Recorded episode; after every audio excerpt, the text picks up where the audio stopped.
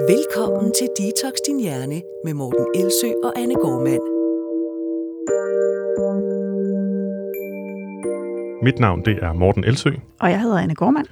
og i dag skal vi tale om, hvordan øh, rigtig mange udskyder det, de gerne vil i livet til, efter de har tabt sig.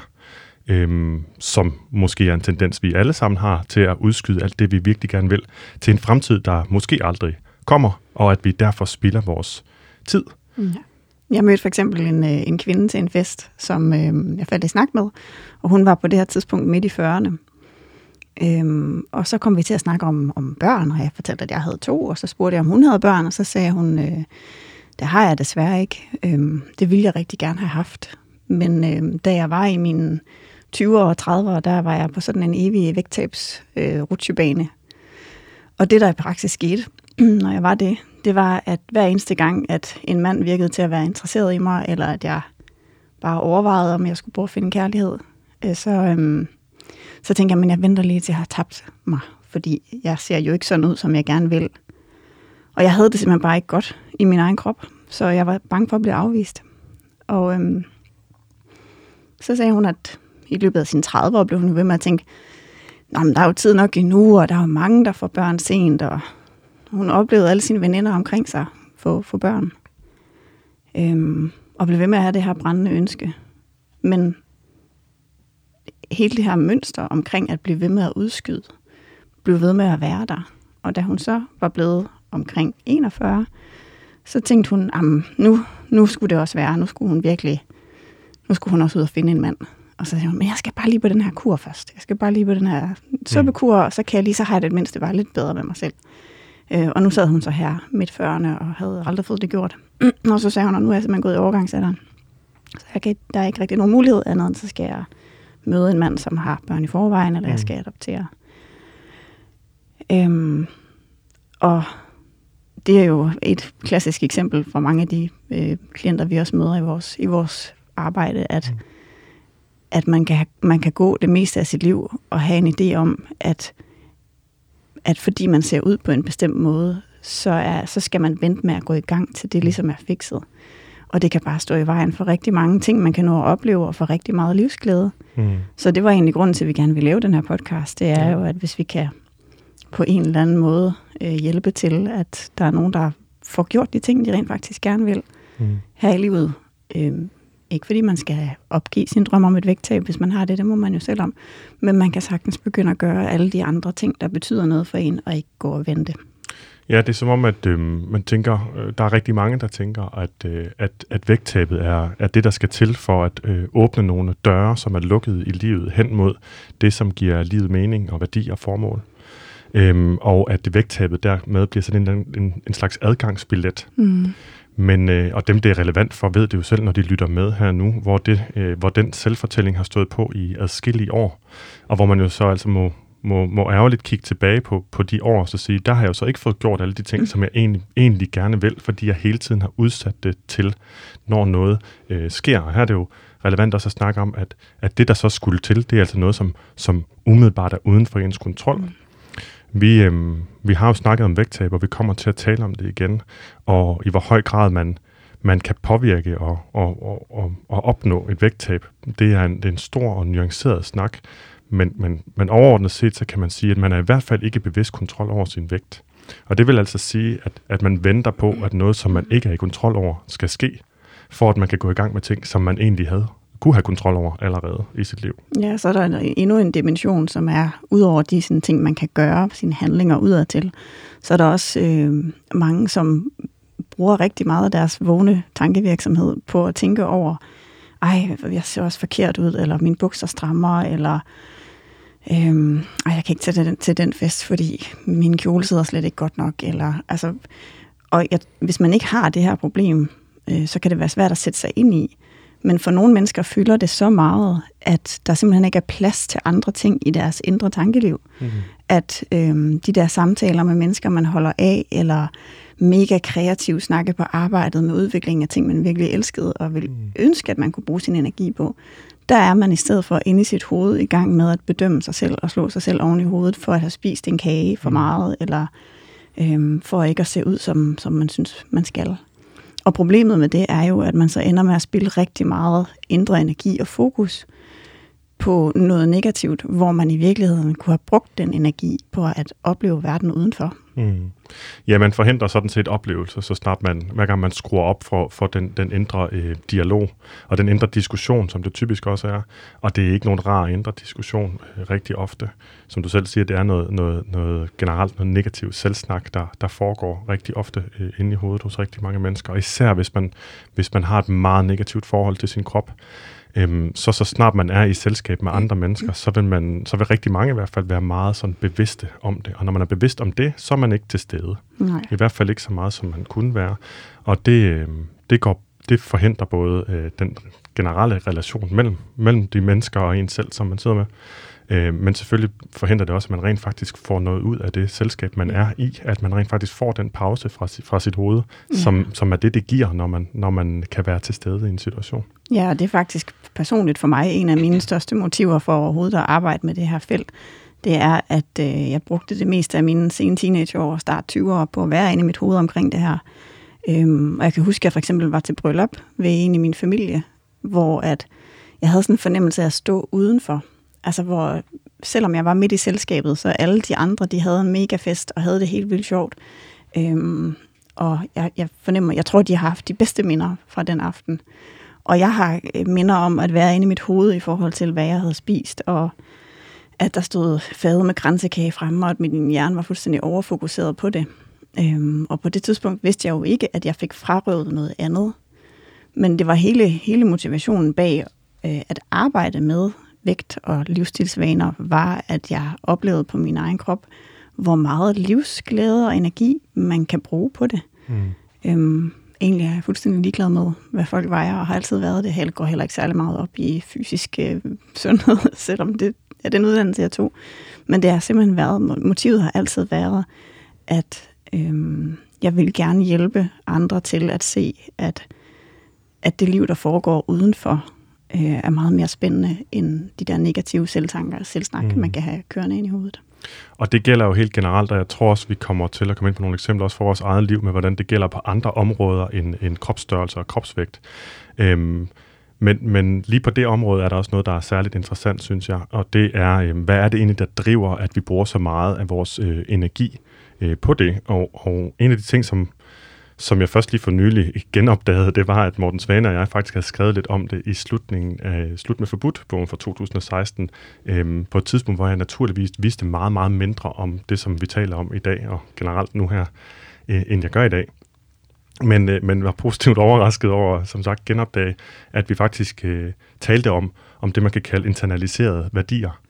Altså, at vi kommer til at tage værdier øh, ind, uden at vi ved, om, øh, altså uden at vi lægger mærke til det, værdier om, at man skal være slank, at man skal, være, man skal vise, egentlig udvise kontrol over sin krop, for eksempel, gennem, undskyld, gennem slankhed. Øhm, og sixpacks var også det, der var meget fokus på yeah. det tidspunkt, da vi skrev øh, bogen. Der var meget skrevet som et kritisk indspark i sådan fitness-snakken. Mm. At vi internaliserer værdier, uden at vi ved det, og, og vi glemmer at betvivle øh, at be- betvivle de værdiers øh, egentlige værdi. Altså mm. det er jo det, som vi har talt om før. Det er det, det, det, det, diætkulturen egentlig gør mm. ved os. Det er, at den får os til at tro eller bilder os ind, at øh, fokuset på krop og kost skal være det, øh, som stort set hele vores øh, tankevirksomhed går til dagligt, fordi så er vi på den måde gode mennesker. Mm. Og det er jo noget, som, som der er en meget stor og, og diffus øh, industri, der tjener rigtig mange penge på, at vi tror på. Og det er, at det er en, øh, en indbildning, som vi, vi ligesom skal fri af. Mm. Så for overhovedet at kunne blive tabe sit liv til den indre diskussion og en, en negativ selvsnak om krop og kost, så skal man altså på en eller anden vis nok, øhm, uden at man har lagt mærke til det, have internaliseret et sæt værdier, som der er nogen, der har fundet på, for at de kan tjene penge på os, hvis jeg skal være, hvis jeg må være så bramfri. Ja, det er rigtigt. Ja. Og det er jo virkelig, virkelig trist øhm, at vide, at, der, at de fleste af os på et eller andet tidspunkt har gået rundt med de her værdier, og ikke vidst, at vi blev styret øhm, af noget udefra. Og det er jo også en af grundene til, at vi gerne vil lave podcasten i dag. Det er jo fordi, hvis man, hvis man bliver bevidst om, at ens værdier er blevet hijacket øhm, af diætkulturen, eller af andre mennesker, mm. eller ens familie, mm. så kan man også frigøre sig fra dem igen. Ja. Og så kan man se, jamen, vil jeg bruge mit liv på at jagte det her skønhedsideal? Mm. Eller vil jeg bruge mit liv på at øh, få en eller anden fancy uddannelse, hvis det er det, man har lært, at det er det eneste værdifulde i livet. Altså man kan, man kan, nå, man kan nå at sætte en, sætte en pauseknap ind i sit liv og sige, hov, ja. er jeg faktisk på vej i den retning, jeg gerne vil?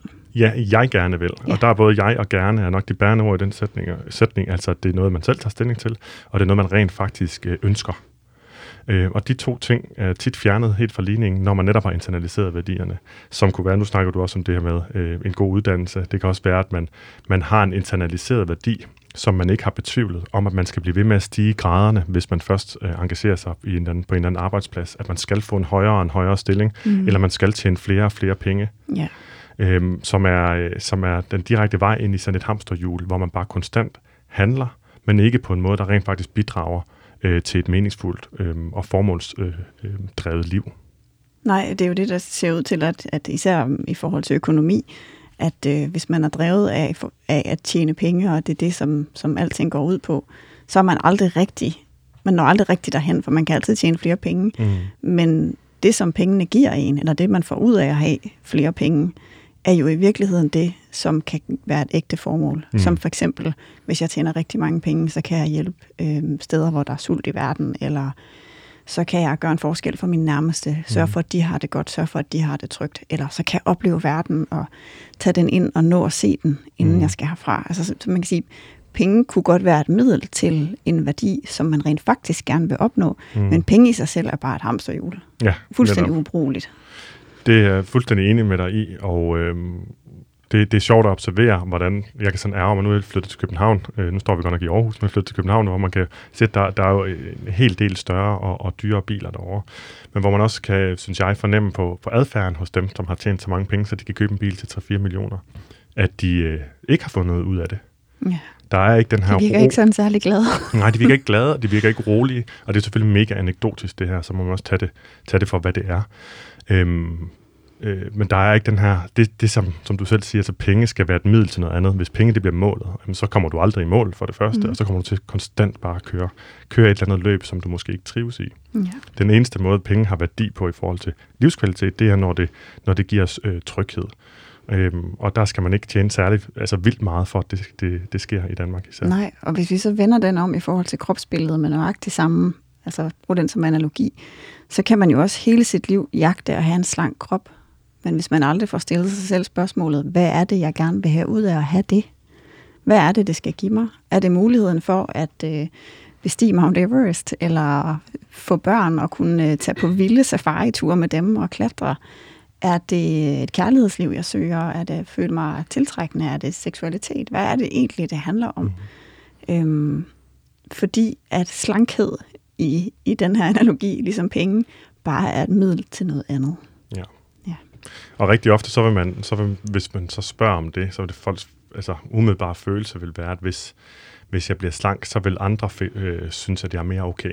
Så, vil de, øh, så vil jeg endelig kunne slappe lidt mere af, eller hvad det nu ellers kunne være, fordi at andre ikke vil dømme mig. Så er det stadigvæk ikke drevet af, af indre værdier, så er, det, så er det drevet af frygt. Yes. Og det vender vi tilbage til, hvorfor det ikke er en særlig god øh, drivkraft på sigt. Øhm, så det vi godt kunne tænke os at, at opnå, eller det der kunne være formålet med den her podcast, det er egentlig at hjælpe øh, de mange, der, der sidder fast i, i det fængsel af, at... Øh, øh, Ja, men at man faktisk bruger sit liv på noget, man egentlig ikke selv har valgt, øhm, eller i hvert fald ikke bevidst har valgt. Fordi der er et fængsel i at tro, indtil man skal herfra, at, øhm, at det eneste gode i livet, og det eneste vigtige, det er at være, være slank, eller at tjene mange penge eller have en bestemt uddannelse. Der er et fængsel i det, fordi at det holder en fra at bruge sin tid og sin energi øh, på de andre ting, som i virkeligheden var vigtige. Og det er sådan noget, man typisk først opdager, når man til sidst i livet spørger sig selv, har jeg nogen fortrydelser? Ja. Er der noget, jeg, er der noget, jeg, jeg fortryder? Nu har jeg jo lige sendt min, min far herfra i det her liv for omkring 14 dage siden, og du har også for ganske nylig. Øhm, og det, der nogle gange sker, når der sker sådan nogle voldsomme ting i vores liv, det er, der, der kan vi virkelig mærke vores værdier. Men så glemmer vi dem igen, mm. hvis, ikke der, hvis ikke vi hjælper os selv med at minde os om dem. Og jeg spurgte min far på en af vores øh, mange køreture frem og tilbage til hospitalet, om øh, hvad der egentlig, altså om han egentlig havde nogle fortrydelser, om der var noget, han ville have valgt anderledes. Og så sagde han, øh, jeg giftede mig med mit livs kærlighed, og hende holdt jeg fast i. Øh, Jeg har fået to dejlige børn. Jeg havde et arbejdsliv, som jeg synes var skønt. Det passede lige til mig. Jeg havde gode venner. Øhm, og så kom vi til at snakke om det der med, at livet kan godt føles kort, men det føles kun rigtig for kort, hvis man ikke får brugt det til det, man gerne vil bruge det til. Mm. Og det sidder jo, kan man sige, meget i mig lige nu. Og det, som jeg så gerne vil hjælpe mig selv, og som vi gerne vil hjælpe andre med i den her podcast, det er at være sikker på, at man ikke sidder fast i det der tanke- og bevisningsfængsel, der gør, at man ikke får stillet sig selv det spørgsmål. Bruger jeg egentlig min tid, sådan som jeg synes er et vellevet liv? Og den bagvedliggende præmis for, for alt det, du har, du har sagt nu, det, det synes jeg, den skal ekspliciteres, og det er, at vi har kun et liv. Øh, så kan man have nogle andre overbevisninger. Øh, det behøver vi ikke sådan gå yderligere ind i. Lad os gå videre med, med, den, med det faktum, at vi har kun det ene liv her på jorden. Mm. Det er relativt kort, kan man sige, i forhold til, at vi jo kan orientere os bagud og fremad i, i, i historien, eller i hvert fald bagud i historien, og, og ved, at der sker en masse øh, i fremtiden, som vi jo ikke kommer til at bevidne. Så vi har sådan et lille indskudt periode i, i universets historie, hvor vi har lov til at være til stede. Ja. Øhm, og og det, det, det forsvinder igen, den periode. Og der er det altså vigtigt for os alle sammen, at vi øhm, i hvert fald meget af tiden bruger, at vi bruger meget af tiden på noget, som, som giver mening, som er værdifuldt for os. Ja, og det som der så øh, jo sker, det er, at vi går rundt og fortæller os selv alle mulige øh, historier om, hvorfor vi ikke kan det, som vi egentlig gerne vil. Øhm, sådan en man kan eller må ikke leve sit liv før prik, prik, prik, x, y, z er sket. Mm. Øhm, det kunne for eksempel være, at jeg venter med at nyde livet til efter den her hårde arbejdsperiode. Ja, Kender du den? ja, det gør jeg. Jeg øhm, har, har fanget mig selv i at tænke, man skal lige igen det her, når vi kommer på den anden side af det her, når vi endelig, når huset det er sat i stand, når det her det er på plads, så kan vi endelig, så kan jeg begynde at, og så typisk så det, der kommer derefter, det er sådan, så kan jeg begynde at holde lidt fri. Så kan jeg begynde at slappe lidt af så kan jeg dedikere mig mere til at være en god far, så kan jeg alle mulige ting. Men det, der også, også dukker op, når jeg tænker det, det er så, okay, så jeg kan ikke holde fri, slappe af og være en god far, før et eller andet er sket, som jeg faktisk ikke er i kontrol over. Øh, eller som måske ikke kommer til at ske. Og eller hvor jeg bare finder lidt defineret. Ja, som er så dårligt defineret, så jeg heller ikke vil opdage, når det, når det sker. Mm. Og på den måde kan man komme til at udsætte sit, altså egentlig sit liv til, det, til, til, at man finder ud af, at det en dag er for sent. Ja. En anden øh, ting, det er, jeg venter med at date til, jeg har, har det godt med min krop. Det er nogle, øh, der har du i hvert fald oplevet det hos nogle klienter. Der... Ja, det må man sige. Det, det er jo altså, det er noget af det første, vi, vi gør, øh, når vi får klienter ind ad døren, det er, at vi, vi starter med at spørge om, øh, hvad det egentlig er, de gerne vil. Mm. Og det kan typisk lyde sådan lidt på overfladen, om jeg vil gerne tabe sådan og sådan, eller jeg vil gerne have et bedre forhold til mad.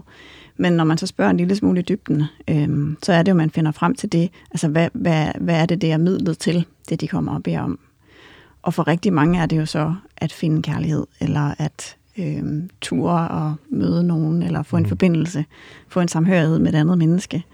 Men at de lige venter med at date, til de lige har det godt med deres krop. Og det er jo så det paradoxale, det er, at øh, hvordan man har det med sin krop, hænger ikke nødvendigvis sammen med, hvordan den ser ud. Jeg har haft lige så mm. mange klienter, som øh, tjekkede alle bokse af på øh, sundhedsidealerne, men som havde det forfærdeligt med deres krop. Ja. Og jeg har haft lige så mange, som måske ikke gjorde, som i virkeligheden var godt nok tilfreds. Og øh, hvis man skal se, om det kunne lade sig gøre i ens eget liv, så, så vil jeg i hvert fald øh, prøve at opfordre til, at man lægger mærke til, hvordan ens forhold til ens krop og til alle mulige andre ting er afhængig af humør. Altså afhængig simpelthen af stemning. altså om man er veludvilet eller ej, om man er stresset eller ej, om man har oplevet noget negativt ellers eller ej, om man er udkørt eller ej. Ja. Øhm, hvor, I hvor høj grad det påvirker. Altså jeg, jeg tror egentlig, de fleste de svinger mellem at øh, føle sig mindre attraktive, end de er, og mere attraktive, end, ja, end de opfattes. Det tror jeg øhm, afhængig af, af humør, og det skal ikke ligesom være det, der skal, skal afgøre det. Så den her egen vurdering af, hvor attraktiv man er, den er ekstremt øh, utroværdig, øh, fluktuerende og, og, og stemningsafhængig. Helt klart. Og så kan man jo vente for evigt, hvis man har fået for vane at kropstjekke sig selv hele tiden. Ser min mm. næse godt nok ud? Hvordan, øh, hvordan ser min hud ud? Hvordan, hvad vejer jeg? Altså hvis man har fået for vane at bruge meget af sin energi på at tjekke ud, hvordan man ser ud, så har man jo i hvert fald meget imod sig i forhold til at, at handle på sin øh, værdi om at finde kærlighed og give kærlighed. Det må man sige, og, man, og rent praktisk, helt lavpraktisk, så bruger man den tid, som man kunne have brugt på at søge kærlighed på at kropstjekke, for eksempel. Ja. Øhm, altså man vender simpelthen fokus det forkerte sted hen i forhold til det, der egentlig er målet. Og det er jo blandt andet, fordi man ikke er bevidst om, hvad målet er, eller hvad, hvad det er, man egentlig gerne vil. Ja, Ja. Og det er jo, altså, nu, nu snakker vi meget om, om krop og, og vægt i, det, i lige den her podcast, fordi jeg har valgt den vinkel. Men øhm, jeg havde faktisk også en klient på et tidspunkt, som sagde, at hendes, hendes formål med at komme til mig, det var, at hun gerne ville i gang med sine træningsvaner. Og da jeg så spurgte hende, hvad hun gerne ville opnå ved at få forbedret sine træningsvaner, så sagde hun, det var fordi, hun havde sådan en drøm om at, at rejse ud i verden. Hun ville gerne gå Caminoen, og hun ville gerne klatre på forskellige bjerge og bestige, og hun ville gerne ud i junglen. Altså hun havde sådan en hel idé om alt, hvad hun skulle bruge sit liv på. Og det hele handlede meget om det der med at have vanvittige naturoplevelser og være et med naturen. Øhm, gerne sammen med nogen, hun holdt af. Men hun blev ved med at vente, til hun ligesom havde fået genoptrænet sit ben. Fordi at hun gik lidt dårligt, og hun havde lidt ondt i knæet. Men nu havde hun så igennem 12 år øh, sagt til sig selv, at så snart hun havde fået styr på de der, den der træning, så skulle hun ud og rejse. Så, øh, så hun ville rigtig gerne have vanecoaches i forhold til at få gode vaner, så hun kunne komme ud og rejse. Øh, og så var det, at jeg snakkede med hende om, at så når vores, når vores øh, forløb sammen er slut, ville det så, er det rigtigt forstået, at det ville være en succes, hvis du er begyndt at handle efter den værdi, du har om at komme ud og se verden sammen med mennesker, du holder af. Så sagde hun, ja, ja, og så det der med mit ben, så sagde jeg, ja, helt klart, det skal vi også arbejde på. Øhm, men jeg er bare nødt til at tjekke, at formålet, altså, altså det, største, det større formål med det hele, at det er det, vi arbejder hen mod, fordi uanset hvad der sker med dit ben, så vil man altid kunne tage skridt i retningen af at opleve verden med mennesker, man holder af. Mm. Så sagde hun, nå ja, det er selvfølgelig rigtigt ja, det ville da egentlig være dejligt at komme i gang med. Så jeg, okay, så vil du være villig til, at vi arbejder både med dine træningsvaner, men også med, at du allerede nu begynder at handle på de ting, der faktisk betyder noget for dig. Mm. Inden for en uge havde hun booket en rejse til Bornholm med sin, øh, med sin bedste veninde.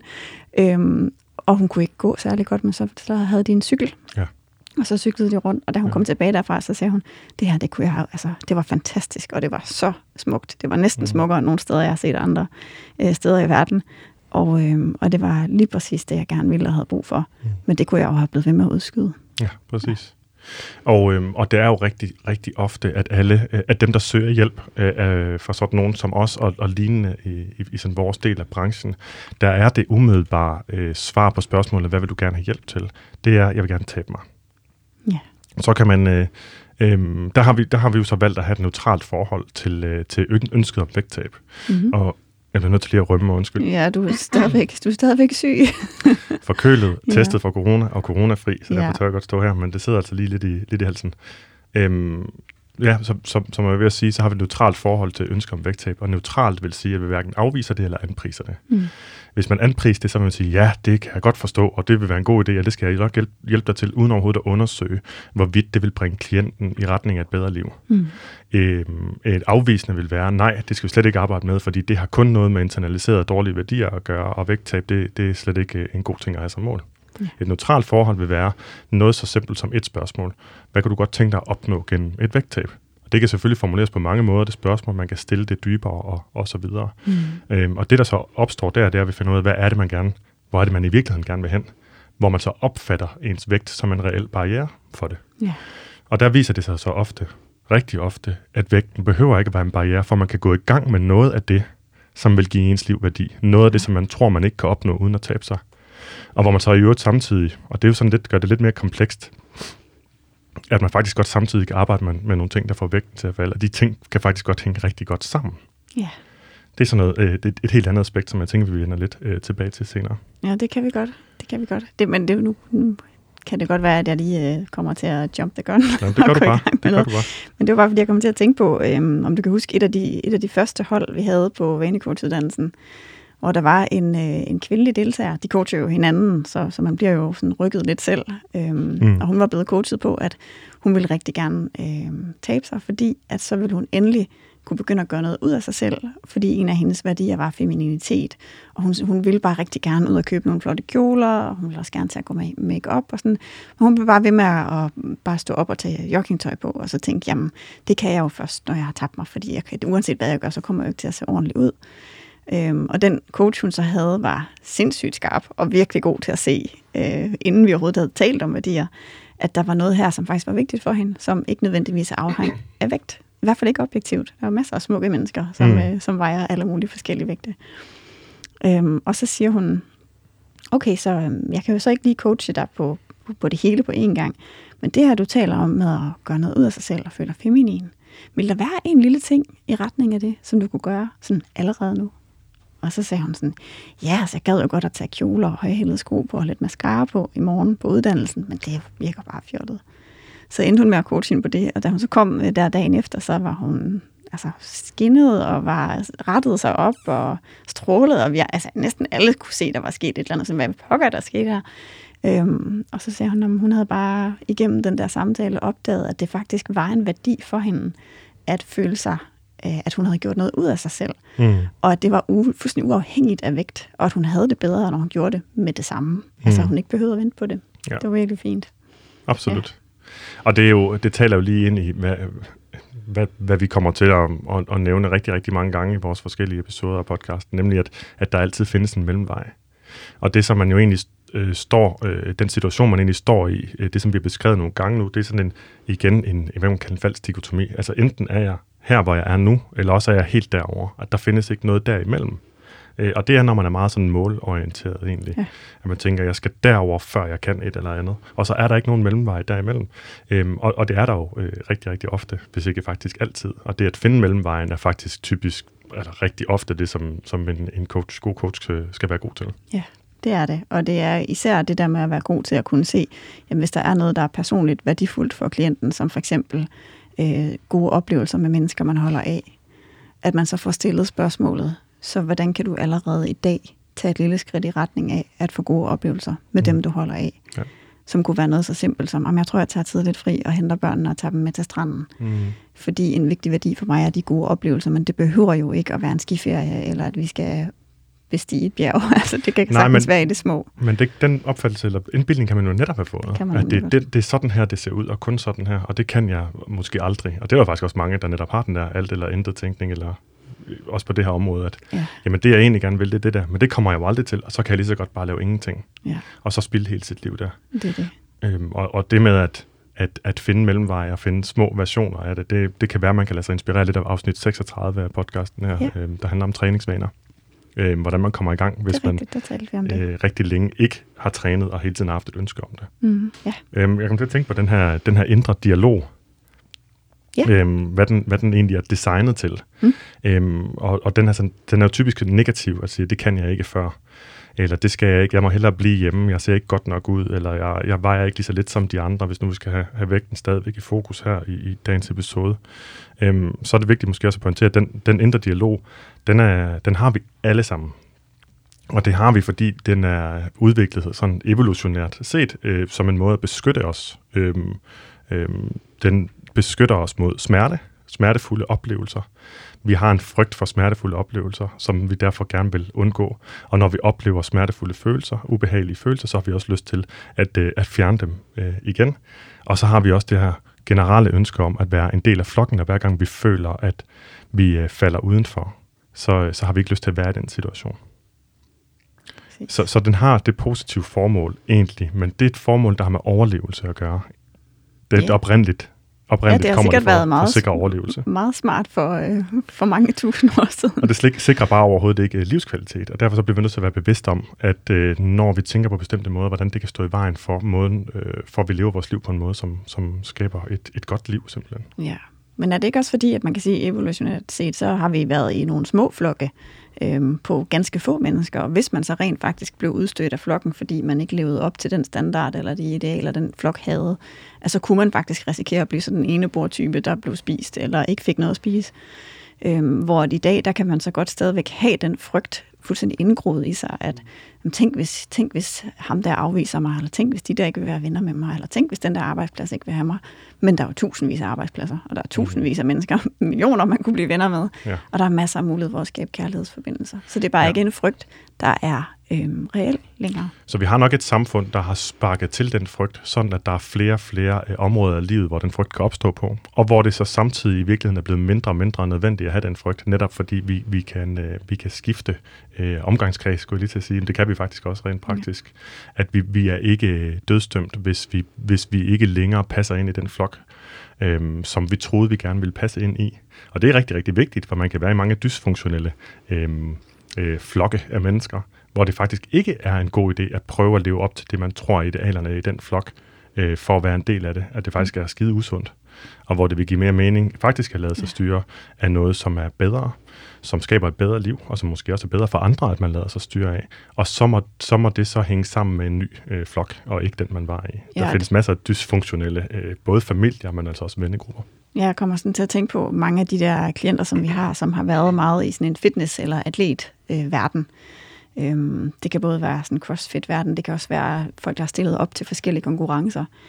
Øhm, men jeg har for tiden også en del klienter, som egentlig selv arbejder som personlige trænere, og som kæmper med deres eget sådan forstyrrede forhold til mad. Og det der er, det er, at de bruger jo hele deres hverdag i en flok, hvor værdierne om at være stærk, udholdende, se perfekt ud, have sixpack, øhm, hvor de er altafgørende for, at man er en del af gruppen.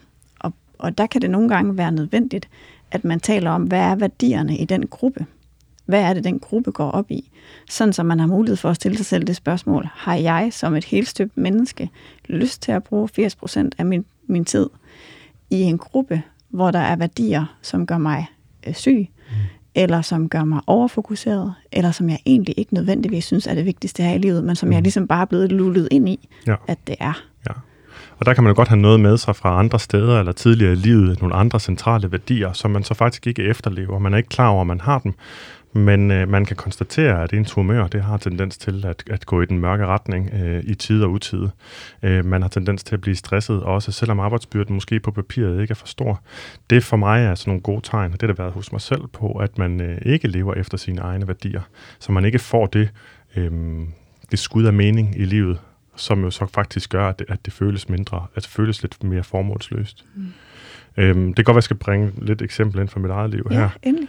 Øhm, fordi det har øh, de sidste par år har, har, har været hårdt arbejdsmæssigt for mig, men det har faktisk ikke været på grund af, af, af arbejdsbyrden, men været fordi, at jeg har skruet så meget op for min grundighedsværdi, at den blev til perfektionisme. Og øhm, så har jeg samtidig en værdi om at gøre en forskel for folk. Og når stort set alle de tanker, jeg har, som jeg kan se vil gøre en forskel, hvis de kommer ud, bliver parkeret, fordi jeg ikke har fået formuleret det perfekt, og derfor ikke kommer ud, jamen så vil hver eneste dag, der går, øh, vil, jeg være, øh, vil jeg i mindre grad have, have handlet efter værdien at, at gøre en forskel for andre mennesker. Øhm, og så øh, hjælper det ikke at skrue ned for arbejdsmængden, for det er ikke det, der er problemet. Det hjælper ikke at gå ture for at slukke for negativ selvsnak, for det er ikke det, der er problemet. Det hjælper faktisk først, når man finder ud af, hvad er det for en værdi, jeg ikke lever efter, og som jeg derfor ikke trives med, ikke bliver udlevet. Ja, ja og det er jo også, øh, synes jeg, en vigtig pointe her er også, at når man så opdager, hvad det er, man synes er vigtigt, for eksempel grundighed, eller at gøre, noget, at gøre en forskel, øhm, når man ved, at, at det er vigtigt, så kan man også stille sig selv et, et andet spørgsmål, og det er, er jeg drevet af, af frygt for noget, eller øhm, er lyst til at skabe noget? Mm. Fordi altså, jeg var til en, en, øh, en forelæsning med en psykologiprofessor på et tidspunkt, der sådan kogte det ned til, at alle valg, vi træffer, er styret enten af frygt eller kærlighed. Og, og hver eneste gang, man så skal træffe et valg, så har man mulighed for at stille sig selv spørgsmålet. Går jeg lige nu øh, ikke ud af døren til den her fest, fordi jeg er bange for, hvad andre tænker, så er jeg lige nu styret af frygt. Eller går jeg lige nu ud af døren, fordi at jeg glæder mig til at forbinde mig med mennesker, jeg holder af, til at mm. grine, til at få gode minder, øh, til at høre, hvordan dem, jeg virkelig holder af, har det. Så er jeg drevet af noget, jeg gerne vil, og noget, jeg gerne vil skabe. Det kommer med en pris. Mm. Ligesom at det kommer med en pris at sige, hvis jeg skal ud med noget og gøre en forskel, så bliver jeg nødt til at parkere min perfektionisme, for ellers så kommer der ikke noget ud. Så prisen er, at det ikke bliver perfekt, men til gengæld kan jeg gøre en forskel. Ja, præcis. Ja. Øhm, og, og frygten og prisen vil være der uanset hvad. Yes. Spørgsmålet er, om man lader sig styre af den. Og når man lader sig styre af den, så er det det, som man øh, som i litteraturen kaldes øh, undgåelsesadfærd. Ja. Øhm, og det kan man blive fanget i i sådan en grad, så næsten hele ens liv er undgåelsesadfærd. Og øh, det vil svare til, at man har brugt hele sit liv på at undgå at leve. Ja. Øhm, hvis, hvis, det, hvis det virkelig griber om sig. Ja. Og det tror jeg er tilfældet for rigtig, rigtig mange mennesker. Jeg tror også, øh, hvis man føler sig hvad kan man sige, ramt, når jeg, når jeg siger det her nu, så vil jeg sige, at det er altså en helt generel tendens i samfundet. Mm. Jeg mener også, at det gennemsyrer desværre også behandlingen af både stress og depression. At man har fokus meget mere på at undgå stressorer eller ting, der, der påvirker, end man har fokus på at bevæge sig i, i retning af noget, der giver, giver mening og giver formål. Klart. Ja. Helt klart. Øhm, ja, så man kan sige sådan en undgåelsesadfærd, hvor man for eksempel bliver hjemme, Mm. øh, i, i stedet for at komme afsted, øhm, fordi man ikke føler sig øh, attraktiv nok, fordi man tænker, og fordi man tænker, at jeg skal bare lige tabe mig. Der, der kan man sige, den forhindrer altså det værdistyrede liv, for, forhindrer, at man har et, et liv, som, som, som giver en noget af det, man i virkeligheden har behov for, og også giver en en følelse af formål. For det har man faktisk, når man er sammen med andre mennesker, som man trives med. Ja. Og det forstærker negative følelser yderligere, når man så bliver hjemme, Ja. som man så øh, typisk øh, igen forsøger at undgå, eller dulme for eksempel gennem at spise det, som vi snak- snakker om, øh, at spise på følelser. Så har man igen negative følelser, i stedet for at kunne være med de negative følelser, og kunne handle på en måde, som giver mening for en, på trods af de negative følelser, mm. så handler man på dem ved at dulme dem øh, med mad, hvis det er det forhold, man har til mad. Øhm, og det forstærker så selvhadet. Der kommer den her skamfølelse, som vi har talt om mange gange, at rigtig mange oplever lige efter, de har spist noget, som de synes, de ikke burde have gjort. Det forstærker igen adfærden om at skulle blive hjemme, fordi jeg er jo sådan en, der ikke kan finde ud af det. Ej, hvor er jeg også ulækker, jeg dur ikke til noget, og jeg burde Mm. også tabe mig, og de andre kan også se, og sådan rigtig mange negative øh, ting, man siger til sig selv, som i, igen forstærker øh, yderligere undgåelsesadfærd. Altså at man, man fortsætter i cyklusen på den måde. Ja, ja det er jo det, der så sker, det er, at man, man ender med at være sådan en passager i sit liv, hvor man egentlig bare sidder lidt på sidelinjen og spiser Ben Jerry's hjemme i sofaen, mens at alle andre oplever øh, de ting, man egentlig gerne vil opleve. Mm. Og fordi man bliver ensom og får det dårligt over det, så Mm. får man lyst til at flygte endnu mere Ja. ind i maden. Eller... Så det, det, som du siger, det er, sådan, det er selvforstærkende, og det er en spiral. Ja. Det minder mig lidt om det der The Feedback Loop from Hell Mm. fra uh, The Subtle Art of Not Giving a Fuck. Altså det der med, at, at fordi vi kommer et problem oven på problemet, så forstærker vi bare problemet og gør Ja. det værre. Ja. Ja. Og derfor er cyklus, øh, det, det er en cyklus, og den cyklus kan faktisk kun brydes ved, at man vælger at handle på en anden måde, på trods af frygten for, hvad det indebærer. Ja, at man tager sin uh, negative selvsnak, øhm, alle de der forfærdelige tanker, der kan rumstere rundt i hovedet på en, om at man ikke er god nok og ikke ser ud, som man skal, og, og at man heller ikke kan have det tøj på, man gerne vil, man tager dem i hånden mm. og siger, jamen ved du hvad, I må komme med på rejsen, men øh, nu går jeg altså ud af døren med, med de her tanker og Mm. ud og oplever livet, fordi det skal ikke være det, der står i vejen for, at jeg får oplevet det, jeg gerne vil. Nej, og det er jo i virkeligheden den, den, den samme fælde igen, hvis man gør det modsatte, at man tænker, jamen den dag, hvor mit selvværd er højt nok, måske øh, defineret som den dag, når jeg er færdig med at snakke så negativt til mig selv, når jeg har lært at, at tale kærligt til mig selv, så kan jeg begynde at tage til fest. Og det er præcis det samme problem som Ja, før. så kan man blive hjemme resten af Så kan man også blive hjemme og undgå alt det, der er livet af frygt for at opleve noget negativt. Ja, og det der paradoxale er jo så faktisk, at når man så tager sine negative tanker i, i hånden og tager dem med ud af døren og går ud og oplever de ting, man gerne vil, det er, at det så har en positiv virkning på ens selvværd, fordi selvrespektfulde, selvkærlige handlinger øhm, forstærker fornemmelsen af at være god nok og være noget værd. Ja. Og når man så har den fornemmelse, så er der større sandsynlighed for, at man så rent faktisk også bliver ved med at handle i retning af, at man er et menneske, der er, er noget værd. Og i den henseende vil jeg understrege, man kan ikke tænke sig til et bedre liv. Nej. Man kan til gengæld handle sig til et bedre liv, uanset hvad man tænker om det undervejs. Ja, Ja. det er en vigtig pointe. Øhm, og, og rigtig mange, som har kæmpet mange år med grublerier, kan også godt måske ikke genkende til, at man godt efterhånden ved, at grublerierne i sig selv løser ikke noget, selvom man tit holder fast i dem af frygten for, at man ikke får løst problemet, hvis ikke man grubler videre. Men også samtidig, at skulle man blive afbrudt i sine grublerier af noget, som er sjovt og spændende eller andet, så kan man pludselig opleve noget sjovt og spændende, på trods af, at grublerierne var der lige før. Det var altså ikke nødvendigt at holde fast i dem. Mm. Og der, hvor livet det sker, det er der, hvor man er nærværende. Ja. Og det er man ikke, når man er oppe i sit hoved. Helt klart. Og det, det sted, hvor man er mest oppe i sit hoved, er typisk, når man er alene og alene hjemme. Ja. Øhm, apropos, nu har vi snakket så meget om det her med at komme ud, som det kan være en barriere for. ja, det kan være en kæmpe barriere, og det er jo i virkeligheden det er en af de konsekvenser, en af de største konsekvenser, som, øh, som det har, det her med, at vi sætter mentale barriere op for os selv, og ikke får, får, får gjort det, som vi synes er, fører til et meningsfuldt liv. Øhm, og det er, at vi udsætter ting. Altså lidt som om, at vi tror, vi har uendelig tid. Øhm, der er sådan et, øh, et citat, jeg godt kan lide, som hedder, livet er det, der sker, når vi er i gang med at lægge andre planer. Øhm, så vi opdager det ikke, fordi vi har så travlt med at planlægge den næste kur, eller den næste store arbejdspræstation, eller hvad det nu er. Og så spilder vi tid, som vi faktisk aldrig får igen, på at være i sådan en slags øh, venteposition. Og venteposition eller planlægningsposition er det faktisk også rigtig ofte, som du selv var inde på med det citat netop. Øh, Jeg kan godt kende, genkende det her med, at man bliver ved med at planlægge. Og så, øh, og så, så så dukker det tidspunkt op, eller man kommer aldrig til der, hvor det planlagte det sker. Og så al den tid har man bare brugt al sin energi på at planlægge, Ja. i stedet for at handle. Jeg ved ikke, om der er andre mødre eller fædre derhjemme, der kender det her, men jeg kan i hvert fald bruge sådan en hel øh, lørdag på at være i gang med at planlægge, hvad vi skal, og hvad skal vi det næste, og hvad så er det næste, vi skal. Og det vil sige, at så er jeg faktisk fuldstændig går glip af øh, noget af det, som min mand er rigtig god til, som er lige at tumle med ungerne, eller tage et øjeblik, hvor man bare sidder og gør ingenting, øhm, og virkelig være til stede i det, der er. Og i virkeligheden, hvis jeg spørger mig selv, hvad der er min største værdi, så er det at opleve grin og krammer og at høre deres sjove teorier om, hvordan verden hænger sammen, og øh, høre dem fortælle om deres venner, og hvad de, hvad de lige synes er interessant. Det er det, som, som jeg allerhelst vil opleve. Men min, min trang til at planlægge og være et skridt foran, den stjæler som en energi øh, fra det. Og det vil sige, at jeg jo i det tilfælde kan være bevidst om, at der er to konkurrerende værdier på spil her, som konkurrerer om mit fokus og om min tid. Mm. Og så kan jeg vælge at sige, fuck planer, nu er vi bare lige her. Og det er typisk der, jeg får de bedste stunder i livet. Ja. Jeg vil sige det sådan, at man har, kan ikke have en god stund, hvis ikke man er til stede i den. Nej. Det er ikke en god stund at planlægge. Man kan selvfølgelig nogle gange opnå gode stunder ved at planlægge, men, øh, men hvis man bruger for lang tid på det, så, går, så, så forpasser tidspunktet simpelthen. Ja. Det er meget, meget, meget sjældent, når man, er, når man er forældre, en dårlig investering, at slippe alt det, man har i hænderne og i tankerne lige nu, når ens barn vil have ens opmærksomhed. Det bliver man typisk belønnet for med det samme. Ja. Du lytter til Detox Din Hjerne med Morten Elsø og Anne Gormand.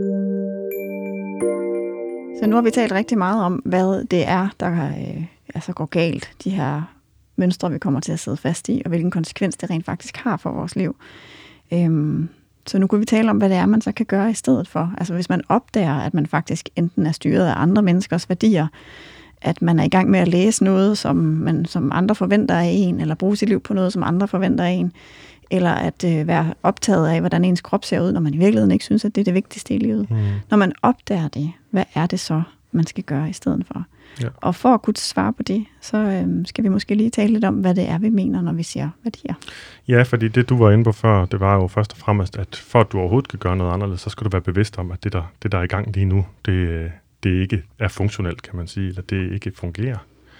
Øhm, og det er jo så det, vi har brugt for, øh, de sidste mange minutter på at, at pointere, hvorfor det ikke er. Altså, man kan ikke gøre noget anderledes, før man er blevet bevidst om, hvad det er, der foregår lige nu, og hvorfor det ikke giver mening. Nej.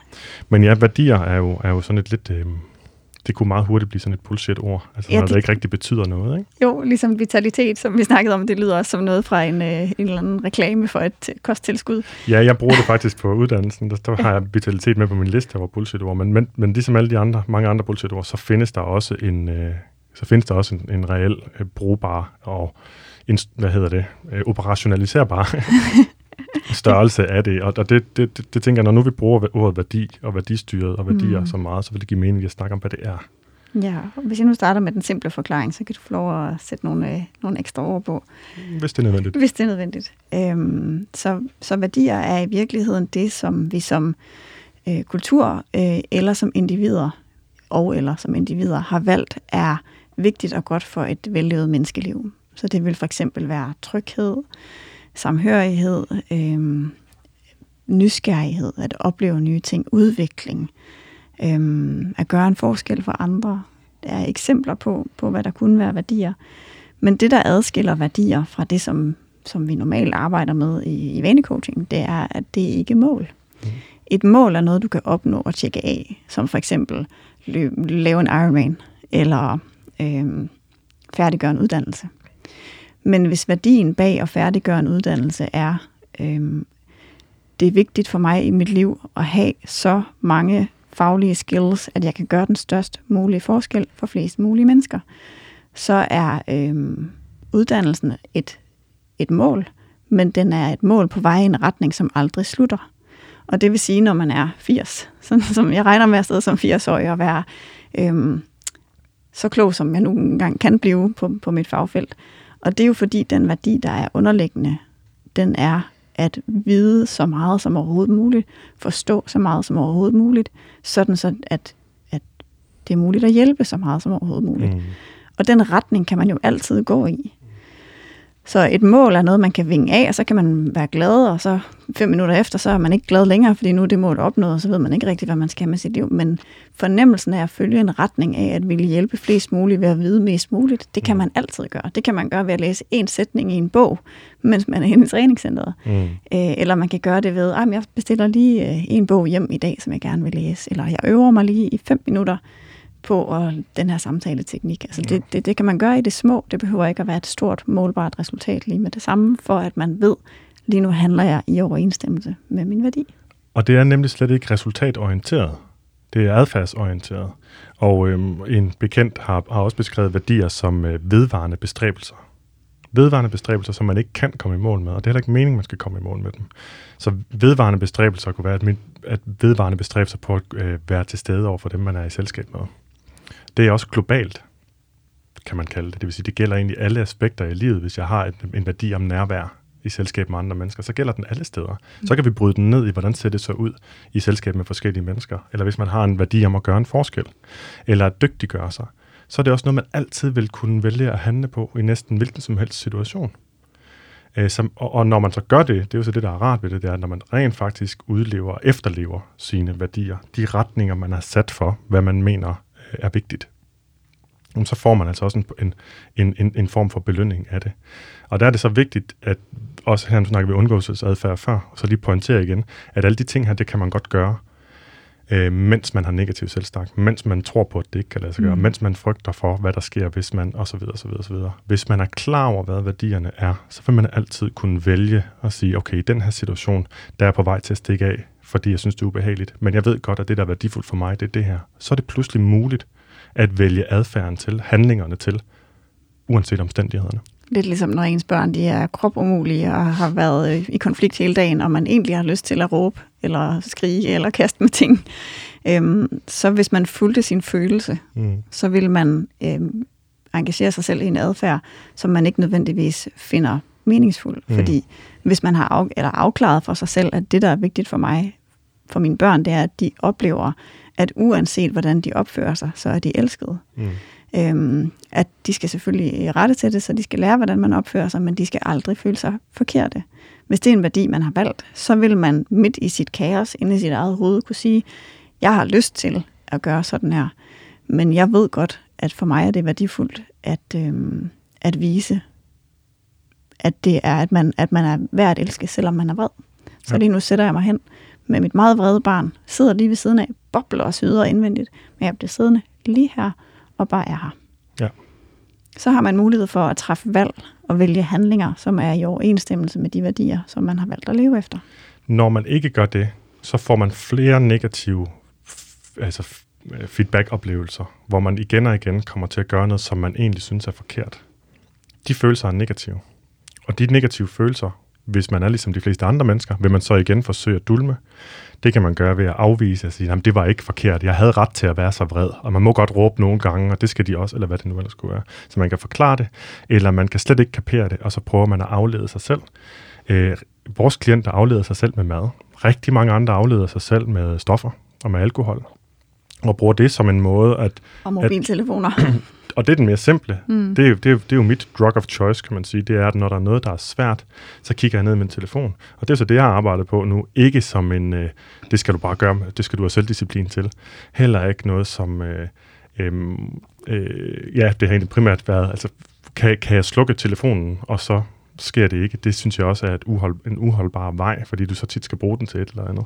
Nej, det der virker, det er faktisk at være bevidst om, hvad er det for noget, der er negativt lige nu her? Hvad er det, jeg er bange for? Og så sige, men hvad er det, jeg vil, på trods af, at jeg er bange? Eller på trods af, at jeg synes, det er ubehageligt. Måske bange, hvis det er mig, der sidder, jeg sidder og skriver på et eller andet. Mm. Øh, og det er vigtigt for mig, at det er godt. Og jeg ikke føler, at det, jeg skriver lige nu, det er godt. Og jeg så stikker af fra det. Så er det, fordi jeg er bange for, at jeg kommer til at producere noget, som folk de vil synes er dårligt. Men hvad er det, min værdi er? Min værdi er at være grundig. Der kan teksten godt være dårligt formuleret, men jeg kan stadig have været grundig i mit arbejde. Øhm, og så har jeg en værdi om at gøre en forskel. Og hvis jeg ikke bliver ved den her opgave og gør den færdig, så har jeg ikke gjort nogen forskel, så jeg har spildt min tid. Og så kan jeg vende tilbage til fokus. Et andet fra, fra mit arbejde kunne være, at jeg har en værdi om øh, troværdighed og integritet. Det er jo egentlig to forskellige måske, ikke? men ja. de ligger så op af hinanden. Hvis jeg så siger noget, som er forkert, hvis jeg ytrer noget på Facebook, et opslag, hvor jeg har måske været grundig, men hvor der er en fejl i, eller kommer til at sige noget på Twitter, det er mere sandsynligt, for der går det lidt for stærkt nogle gange. Og så jeg bliver gjort opmærksom på, at der er en fejl deri. Så kan jeg kæmpe imod det og sige, nej, det passer heller ikke, eller hvis man ser på det på den her måde. Og alt det der vil være sådan en kamp, som vil være ubehagelig, og som egentlig har til formål at, at ikke erkende, at der er gået noget galt. Men når nu jeg ved, at jeg har en værdi om integritet og troværdighed, jamen så bider jeg det sure æble og siger, det er ubehageligt at erkende min fejl, og jeg gør det alligevel. Ja. Og så har det bagefter langt færre konsekvenser. Så nu kommer der ikke det her efterspil, hvor jeg nu føler, at jeg har fået et hak i de værdier, som jeg ville have fået, hvis ikke jeg havde erkendt min fejl. Ja, og det, der så er så fint ved at handle på den måde efter sine værdier, når man har valgt dem, det er, at man får positiv feedback fra sin hjerne, når man bemærker, nu har jeg gjort noget, som er vigtigt for mig. Og man kan sige, at vi får positiv forstærkning fra mange ting, vi gør. Det gør vi, hvis vi spiser et stykke chokolade, eller hvis vi får anerkendelse, eller får en high five af nogle andre. Øhm, men vi får det også, når vi bemærker, at vi er i gang med at handle efter noget, der er vigtigt for os. Og på den måde bliver den adfærd selvforstærkende. Fordi jo flere gange man har lagt mærke til, hov, selvom jeg havde lyst til at stikke af fra den her opgave, så blev jeg ved den og gjorde det alligevel. Mm. Øh, jo mere belønnet bliver man af det, og jo mere forstærker man den adfærd. Og det er jo det samme, som hvis man begynder at lægge mærke til alle de steder, man begrænser sig selv i sit liv, fordi man ikke ser ud, som man gerne vil. At jo flere gange man bemærker, lige nu gik jeg ud af døren og så mine veninder, selvom min hoved skreg, at åh oh nej, jeg kommer til at spise for meget, eller jeg kan ikke styre det, eller de er også meget pænere end mig, eller hvad ens hoved nu siger, så bemærker man, uanset hvad der sker med mine spisevaner og min vægt, så er det vigtigt for mig at have gode, positive relationer og være sammen med dem, jeg holder af. Så jeg har i hvert fald gjort noget, der er vigtigt for mig. Så bliver man, så bliver man belønnet for det af sin hjerne. Så siger den, way, godt gået. Mm. Laver en lille happy dance indvendigt. øhm, og så på den måde, så bliver det lettere at gøre næste gang.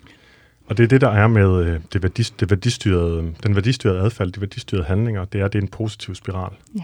Det er en opadgående spiral, hvor man får flere og flere erfaringer med det positive i at handle efter sine værdier. Og man får et bedre liv, fordi man pludselig får opfyldt en masse af de øh, behov, man har som giver overskud til en masse andet, og som tager tid fra negativ selvsnak, undgåelsesadfærd. Og den undgåelsesadfærd vil typisk være en negativ spiral. Som jeg nævnte tidligere, hvis man så ender med at spise på de følelser, kan man jo blive ved med at stige i vægt, komme til at have sin krop mere, komme til at føle det mere ubehageligt i sin krop. Der vil være flere ting, man så ikke kan, som man synes var værdifulde øhm, som, som kroppen, øh, hvis man bliver stor nok, kommer til at forhindre. Og dermed så bliver den her undgåelsesadfærd, hvor man bare lige prøver at undgå de negative følelser. Det bliver det, der sætter gang i en negativ spiral af et liv, der er dårligt levet, hvis man kan sige det sådan. Ja, ja det er jo konsekvensen, hvis man sådan ligesom fortsætter ud af den vej. Ja, ja. og vender man det på hovedet og vælger at handle efter sine værdier, på trods af, hvordan man har det, jamen, så vil det være en positiv spiral opad i stedet for. Helt klart. Ja. Og så tænker jeg, at vi måske er ved at nå til, øh, hvor vi skal tale om, hvordan man kan gøre det i praksis, hvis vi skal skubbe lidt til noget forandring. Det vil være godt. Ja. Øhm, så noget af det, som vi har talt om, det er det her med, hvordan, hvordan finder man egentlig ud af, hvad ens værdier er. Øhm, og de er jo lidt flyvske. Nogle af dem, dem har man måske med sig hele sit liv, hvis man nu elsker naturen, og man har, finder det meget værdifuldt at connecte med den, og passe på den, og man måske helt fra man er fra barn øh, ben klatrer meget, og når man bliver lidt ældre, så begynder man at melde sig ind i naturforeninger, eller man går til spejder, og når man bliver senere, så arbejder man måske med bevaring af naturen. Så der kan være sådan nogle gennemgående elementer, der viser sig i alle øh, dele af ens liv. Men der kan jo også være værdier, som skifter. Altså for eksempel, når man får børn, så er det ret typisk, at ens værdi om øh, at opnå et eller andet, eller at udvikle sig, eller at være social, at den bliver sådan, kommer lidt i konflikt med ens værdi om at skabe øh, et liv for de her børn, som, som giver dem de bedste forudsætninger. Mm. Øhm, og så, så man kan godt opleve, at der kommer tidspunkter, hvor der kommer nogle, nogle konflikter imellem værdierne, hvor de ligesom gerne vil konkurrere med ens tid og fokus, og hvor man skal vælge, altså hvor man simpelthen bliver nødt til at nedprioritere noget, som man også sætter pris på, for at prioritere noget andet op. Så det man gør i praksis, det er, at man øh, prøver at afdække, hvad er det, der lige på det her tidspunkt i mit liv har stor værdi for mig. Det kan bare være i det her år, eller det kan være den her måned faktisk bare. Det kan mm. også være det næste årti. Hvad er det vigtigt for mig at få brugt min tid på i det her årti?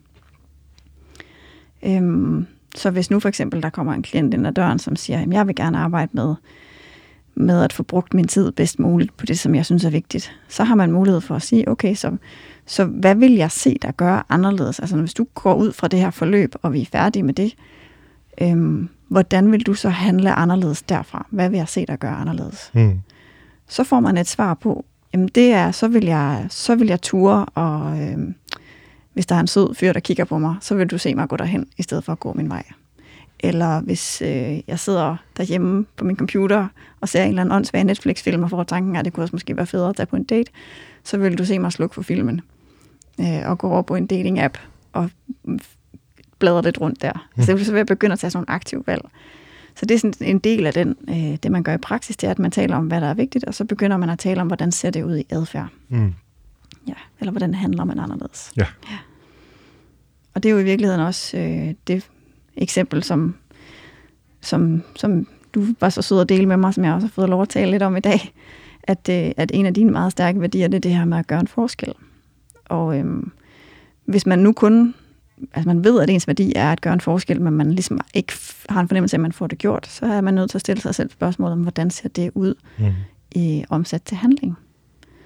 Og øh, vi lavede jo en øvelse for ikke så lang tid siden. Vi har jo, sige, vi, vi bruger selv de redskaber, som vi, som vi lærer videre. Mm. Så øh, vi er også vores egen små forsøgskaniner i, i den her jeg proces. Jeg er primært din forsøgskanin. Ja, yeah. det klarer du så godt. Øhm, men der fik jeg jo lov at lave en, en øvelse med dig, hvor jeg spurgte dig, hvilke ting, der ligesom kaldt på din opmærksomhed for tiden. Altså, hvad du synes, der manglede i dit liv, hvad der stressede dig, eller hvad du i virkeligheden havde brug for. Og nu var det en længere proces, men kan du huske de tre ting, du kom frem til? Øhm, ja, nej. Nej. Så det ene var det her med, at... Eller jo, jeg kan, jeg kan nok jeg kan huske to af dem. Så det ja. er bare, jeg kan svare nej på, at jeg kan huske de tre. Okay, men at gøre en forskel var i ja. hvert fald den ene af dem. Ja. Jo, det kan jeg godt så. Og øh, fokus, det havde sådan noget med, der hed fokus og selvdisciplin. Ja. Øhm, og og det, det lyder underligt i den her kontekst, hvor vi har taget selvdisciplin som noget, man ikke ligesom kan øh, bero på. Øh, men her handlede det specifikt om en adfærd, der hedder at kunne blive ved en opgave i længere tid, i stedet for at stikke af derfra. At kunne producere noget. At kunne producere ja. noget, yes. Og så var den sidste, det var faktisk noget vedrørende træning, fitness.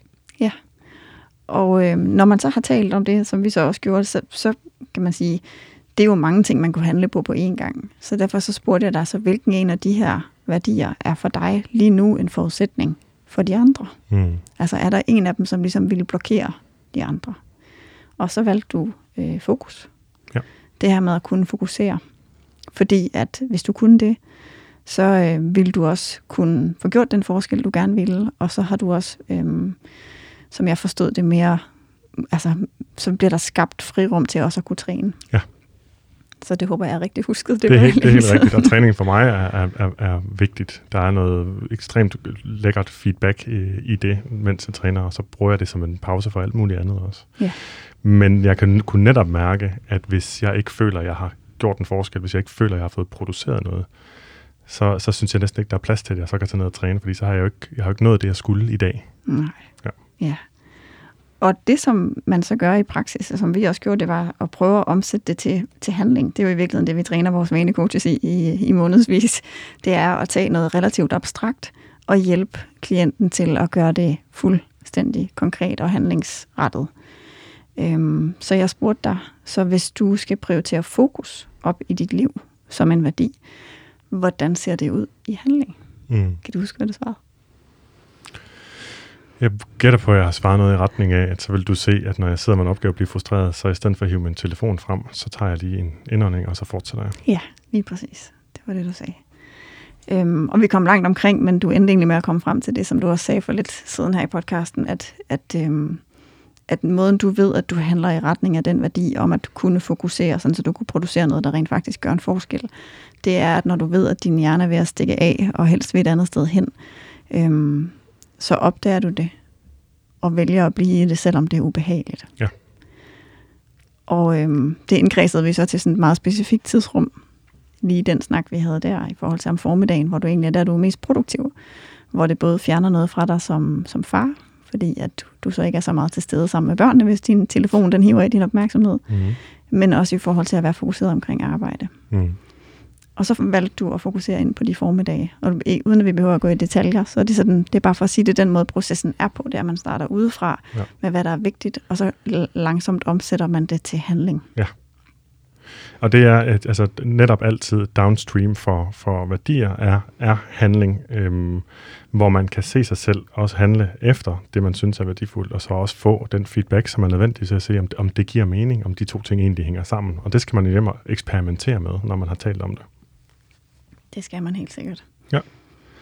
Vi havde også en, en anden snak, og nu handler det jo meget lidt om nu handler det jo meget lidt om, om vægttab, det vi snakker om nu, og vægt også. Det synes jeg sådan set også er fint, fordi det er jo netop bare, som med alle andre emner, vi taler om, så er det bare en bid af, af noget, øh, noget større. Altså den måde, det får, vi har til mad og krop på, det er jo, det er jo et produkt af vores generelle psyke og, og vores ja. generelle kultur. Og bare et eksempel på, hvornår man lærer noget stå i vejen for det, man i virkeligheden gerne vil. Ja, præcis. Og jeg havde på et tidspunkt, det var dig, der lige opdagede det, at, at, at jeg havde sådan lidt to konfliktende, kan man kalde det det, to værdier, der var i konflikt, nemlig grundighed og at gøre en forskel. Ja. Og det var så, fordi jeg havde fået omsat grundighed til perfektionisme.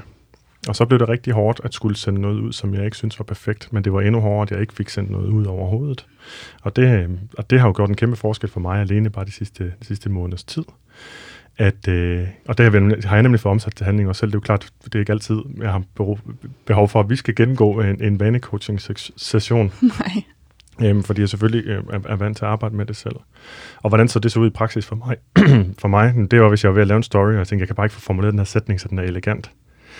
Og hvis jeg så var på vej til at stikke af derfra og sige, okay, men det kan jeg så ikke den her gang, men nu laver jeg den alligevel, og så går jeg videre til det næste. Og så får det faktisk gjort en forskel, jeg får stort set lige så meget positivt ud af det, som hvis det havde været øh, i citationstegn perfekt. Ja, det er der nok rigtig mange, der er glade for, at du lader din perfektionisme øh, ikke lade den vinde i den situation. Så man kan godt arbejde, man kan godt have grundighed som værdi og gøre en forskel også. Og det, det lænder sig lidt op, at man kan faktisk godt arbejde på sine øh, øh, spisevaner og udleve de drømme, man, man troede afhang af vægttab på samme tid. Der, det, det bliver sit op, enten skal man det ene eller det andet. Men det giver rigtig god mening, når man arbejder med værdier. Det gjorde det i hvert fald også for mig, at man trods alt vælger noget at fokusere på. Ja. Altså værdier behøver ikke være noget, man vælger for evigt. For det første kan de ændre sig, men for det andet, så kan man også godt have, lad os sige, man bare har tre eller fem helt centrale værdier i ens liv. Mm, men det, at man handler på en af dem nu, eller har det i fokus det næste stykke tid, betyder ikke, at de andre forsvinder. Så man kan godt have en periode, hvor man er fokuseret på, jamen, at være social. Og så er det det, vi fokuserer på nu. Så betyder det ikke, at man skal give afkald på, øh, på alle mulige andre ting, som man også kan, øh, som man også synes er vigtigt. Det er bare en opprioritering af sin tid og sin, sit fokus. Øhm, og når vi har klienter, som, altså, hvor man arbejder med det her, så øh, bruger jeg ret tit et, øh, et værktøj fra ACT, som jeg synes fungerer virkelig godt. Fordi det er et meget, men det er så et meget visuelt værktøj, så nu bliver jeg nødt til at lave det som en visualisering, fordi jeg ikke kan tegne det her. Mm. Øhm, men hvis en klient kommer ind ad døren og siger, noget af det, jeg opdager, det er, at jeg bruger, øhm, jeg bruger min, jeg er ikke god nok, som jeg er snak, til at holde mig selv tilbage fra jobsamtaler, fra at date, fra, fra alle mulige sociale vigtige ting, og fra at skabe dybe relationer. Jeg har opdaget, at, at, øh, at det holder mig tilbage fra rigtig meget, så jeg vil gerne blive bedre ved mig selv, uanset hvad der sker med min krop. Øh, uanset om jeg ændrer vaner, så er det i hvert fald vigtigt for mig at være mere respektfuld over for mig selv, øh, og sørge for at træffe de valg i livet, som jeg gerne vil. Så kan man kigge på den konkrete adfærd og sige, okay, så i hvilken situation vil det være særligt vigtigt for dig, at du ikke lader dig styre af frygt øhm, og den her negative selvsnak, men i stedet for at gå i retning af at gå efter jobbet eller, eller, eller den her relation. Øhm, og der havde jeg en klient, som sagde, at noget af det, som faktisk er det vigtigste for mig, det er, at jeg vil simpelthen så gerne den der tosomhed. Jeg drømmer om det der familieliv, hvor man er fuldstændig forbundet med et menneske, øhm, og elsker hinanden uanset. Jeg vil gerne have en, et livsvidende, en at blive gamle med, som jeg tror på, jeg kan holde af for evigt. Men jeg bliver ved med at øh, udskyde det, fordi jeg hele tiden tænker, at jeg ikke ser godt nok ud, som jeg, som jeg er. Og så øh, tegnede jeg for hende ligesom sådan en skillevej. Hvis du forestiller mm. dig sådan et y-kryds. Man kommer gående, og så kommer der lige pludselig to stier, man kan gå ud af. Mm. Så den skråt fremad. Og den ene sti, det er den, hvor man er på nu. Man egentlig kunne fortsætte og sige, jamen, hver eneste gang, jeg får tanken, at jeg ser forkert ud, så bliver jeg hjemme. eller så ser jeg Netflix for at undgå mine tanker, eller så spiser jeg, fordi så mærker jeg det ikke. Så jeg fortsætter ud af den her undgåelsesadfærd vej, hvor livet er tåleligt, fordi at jeg håndterer det med ting, der lige formidler. Ting, jeg lige nyder i øjeblikket, ting, der distraherer. Mm. Så det er tåleligt. Øhm, men hvis jeg går ud af den anden vej, så tager jeg alle mine negative tanker med mig. Jeg tager også risikoen for, at andre rent faktisk dømmer mig med ud i verden. Fordi for enden af den vej, der er der måske det, som jeg drømmer om, den her samhørighed. Mm. Så så bad jeg hende om at lægge mærke til de tidspunkter, hvor hun står ved den skillevej i sit liv. Helt konkret at opdage, lige nu står jeg ved, en beslut, ved et beslutningspunkt, hvor jeg kan gå i retning af undgåelse af distraktion og dulmen til, den, til min venstre side, og på min højre side hen imod øh, det, som er vigtigt for mig, der kan jeg synes, at det er forfærdeligt, og jeg kan skille mig selv ud, øh, men jeg kan gøre det alligevel. Jeg kan sætte en fod foran den anden, og så kan jeg tage til den her fest. Og når der så er en, der ser som om, at han er sød, så kan jeg sætte mig hen og snakke, selvom det er, at jeg, alt inden i mig gør ondt, og ja. alt, alt virker skræmmende. Øhm, og når man så gør det, altså ligesom hjælper med at se, at man hele tiden har de her to veje, man kan gå ud af, så bliver man også stærkere i sin evne til at opdage, hvornår man er styret af frygt og undgåelse, og bruger undgåelsesadfærd, og hvornår man er styret af det værdifulde og går i retning af det. Mm. Så det er den træning, man ligesom får ud af at arbejde med værdier på den her måde. Og når man ikke handler efter sine værdier, fordi man ikke er bevidst om dem, typisk blandt andet, så vil øh, det, den der undgåelsesadfærd, den vil også typisk manifestere sig som det, man kan kalde sådan, at man, man er styret af impulser nu har jeg det sådan her, så skynder jeg mig at handle på den her måde. Altså det er impulsdrevet snarere end, end, end overvejet. Det er en reaktion snarere end en, en refleksion. Ja. Øhm, og vi har jo snakket om motivation, i øvrigt også tidligere kan man pludselig til at tænke på, at vi har en podcast også, et episode, der handler om motivation. Og noget af det, som jeg har slået et slag for, det er den her øh, ekstrinsiske motivation, når man gør noget for at opnå noget andet, den ikke er til at regne med generelt, at det giver mere mening at prøve at finde nydelse i processen, der er mange flere nuancer og aspekter, men det kunne være den meget, meget sådan korte version, at have mere fokus på intrinsisk i stedet for ekstrinsisk motivation. Altså, at du nyder det, mens du er i gang, og ikke gør det for at opnå noget senere. Men der er en slags ekstrinsisk motivation, to slags, som er mere øh, selvbestemte, kan man kalde det, som i sig selv er motiverende. Øh, det, der hedder integreret, identificeret regulering af adfærd. Og de to de øh, er netop øh, effektive, på trods af, at det er noget, du gør for at opnå noget senere. Mm-hmm. På trods af, at det er svært at gøre lige nu, og det ikke er behageligt, lige mens du vælger det. Jamen, så er det faktisk noget, der er godt til, god til at fastholde, at vi bliver ved med at gøre det, fordi det netop er koblet op på værdier. Og det kan vi mærke. Et eller andet sted kan vi mærke det. Så det er faktisk en, en god form for ekstrinsisk motivation, altså hvor vi gør noget for at få noget ud af det senere. Men det kan vi mærke måske allerede nu. Ja, helt klart. Og det, der så er så, øh, så dejligt ved, når man så begynder at handle i retning af det, der er vigtigt for en, det er at, øh, tilbage til den pointe, vi havde om, hvor vigtigt det er at handle og ikke bare tænke sig til ting, det er, at når man så begynder at handle i retning af det, der er vigtigt for en, så får man jo automatisk det feedback, at man så også er værdifuld eller noget værd. Mm. Øhm, ja, vi er meget mere erfaringslærer. Øh, altså, vi lærer mere erfaring, end vi tror. Ja, helt klart. Ja. Altså hvis man øh, har en værdi om at føle sig attraktiv eller gøre noget ud af sig selv, og man gør det og ikke venter, så allerede i det øjeblik, så får man et feedback fra sin egen hjerne om, at man er et menneske, der er øh, noget værd, fordi at man er det værd, at, at man tager sig af det, som man rent faktisk gerne vil, og gør ja. det, som, som, er, som er vigtigt for en. Og det er jo så det her man sige, den, den meget vigtige del af den pointe, det er, at når man begynder at handle, som om man allerede havde opnået det der arbitrære mål, man havde sat sig ud i fremtiden, så, øhm, så kommer man faktisk tættere på det mål, uden nødvendigvis at have tabt sig, eller er blevet klog nok til, eller hvad det er, man har sat op som barriere for det, man gerne vil. Mm. Øhm, ja. Ja, og, og det, det der med handling først, pointen, den giver også rigtig god, øh, den har været nævnt tidligere i forbindelse med intuitiv spisning, eller specifikt øh, det, der hedder interoceptiv bevidsthed og, øh, og lydhørhed. Altså at man faktisk er, lytter til og er kroppens øh, reelle signaler om sult og mæthed. Og når man, når man gør det, øh, så, så viser man gennem sin adfærd, gennem sine handlinger, at man faktisk øh, synes om sin krop. Det er faktisk en måde at have respekt for sin krop på. Og på den måde så øger det faktisk ens kropstilfredshed, eller sænker kropsutilfredsheden, når man, når man er de signaler. Også i fravær af fysiske ændringer. Ja, præcis. Ja. præcis. Helt klart. Øhm, så vi kan gøre rigtig mange ting, hvor vi kan sige, jamen, åh, når vi bor i en større lejlighed, så kan vi rigtig sætte os på en hyggelig måde og se fjernsyn sammen. Så, okay, det kan det godt være, at jeg har ret i det. Men hvordan vil du kunne gøre det allerede nu, på trods af, at I kun har 50 kvadratmeter til fire mennesker, eller hvad det nu skulle være. Ja. Ikke? Nu talte vi om penge og midler også yes. tidligere. Så læg mærke til, når man siger, når vi har, når det sker, så kan vi. Så det er sandsynligvis en tankefælde. Fordi ja. du vil godt kunne gøre noget eller det allerede nu. Og det er så der, hvor nogle gange især den her barriere omkring vægttab, den virkelig kommer til at spænde ben for folk. Det er fordi, at øhm, der er sådan en grundlæggende overbevisning hos de fleste om, at hvis jeg ikke er hård ved mig selv, og ikke nægter mig selv ting, så kommer jeg jo ikke til at få taget mig sammen. Mm. Jeg skal jo sparke mig selv, eller slå mig selv oven i hovedet, mm. hvis jeg skal handle, hvis jeg rent faktisk skal tabe mig.